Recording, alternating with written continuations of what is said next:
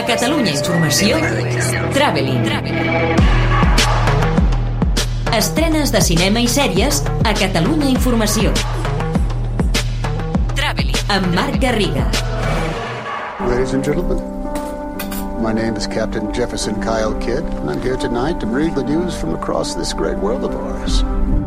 Després que els seus dos anteriors films, Un amigo extraordinario i Greyhound, s'estrenessin directament en plataformes, la següent pel·lícula de Tom Hanks també anava per aquest camí, però Netflix finalment ha decidit fer-ne una estrena limitada en sales 15 dies abans d'oferir-la als seus abonats.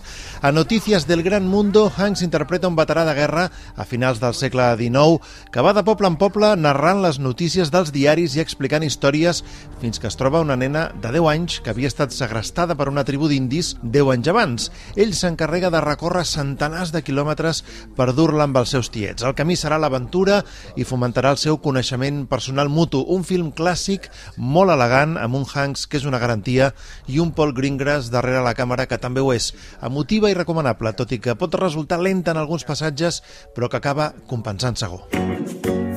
C'est qu'elle a accepté ta sœur. Où au Canada. Ah cool, c'est bien. Non mais elle va te manquer, hein, crois pas. Hein. També arriba als cinemes la comèdia francesa Mininya, sobre una dona que ha d'assimilar que es quedarà sola a casa quan la seva filla petita marxa a estudiar a fora.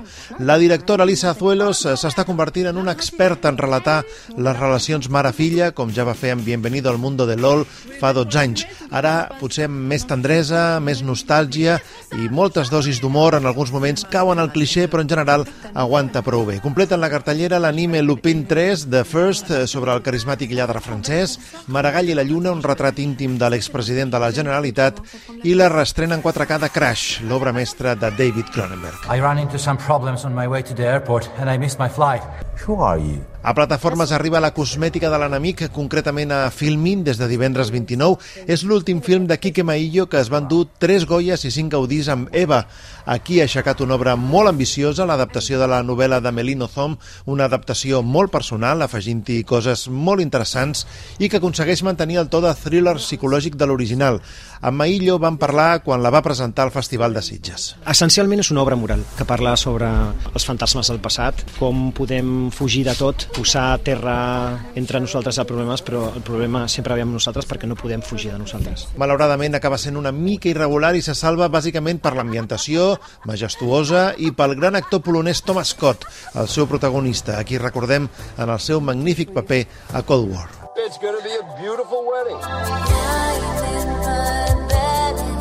Here you are, standing on the precipice of something so much bigger than anyone here. Per qui vulgui passar una estona molt entretinguda amb una pel·lícula enginyosa i reverent, té des de divendres 29 a Movistar Plus Palm Springs, una comèdia romàntica fantàstica amb Andy Samberg sobre una parella que es coneix en un casament i que converteixen aquell dia en el dia de la marmota. Tot i que veu d'atrapat en el temps, òbviament, una pel·lícula vista mil i un cops, aconsegueix ser tan original i divertida com el film de Bill Murray, a Netflix, també des de divendres 29, trobem Bajo Cero, un thriller d'acció clàssic, un híbrid entre el Diablo sobre ruedes i assalt a la comissaria del districte 13 amb tocs de Peckinpah, Burman, on la càmera de Lluís Quílez es fica dins un furgó de trasllat de presos i manté el suspens fins al final. També a Netflix s'estrena el drama britànic emotiu L'excavació amb Kerry Mulligan i Ray Fiennes i Apple TV Plus Palmer, una història de redempció personal protagonitzada per Justin Timberlake. I ja el dia 1 a Movistar Pastor sin rebaño, un thriller xinès que va rebre el premi a la millor pel·lícula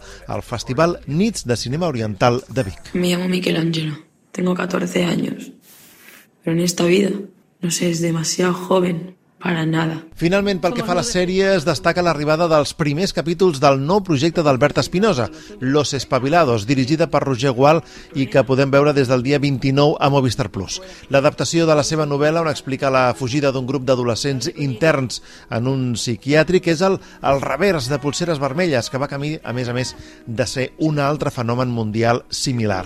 També Movistar Plus s'estrena el dia 1 un nou canal, Movistar Crimen, disponible només fins al 15 de març i on es podrà veure una selecció de 80 títols que barregen clàssics i estrenes sobre aquesta temàtica i el dia 3 hi estrenaran Devils, un thriller sobre el món de les finances amb Patrick Dempsey i Laia Costa. Per acabar, HBO el dia 1 s'estrena The Lady and the Dale, una sèrie documental que retrata l'ascens i la caiguda de l'empresària transgènere dels anys 70 Elizabeth Carmichael i el seu revolucionari automòbil The Dale. Traveling.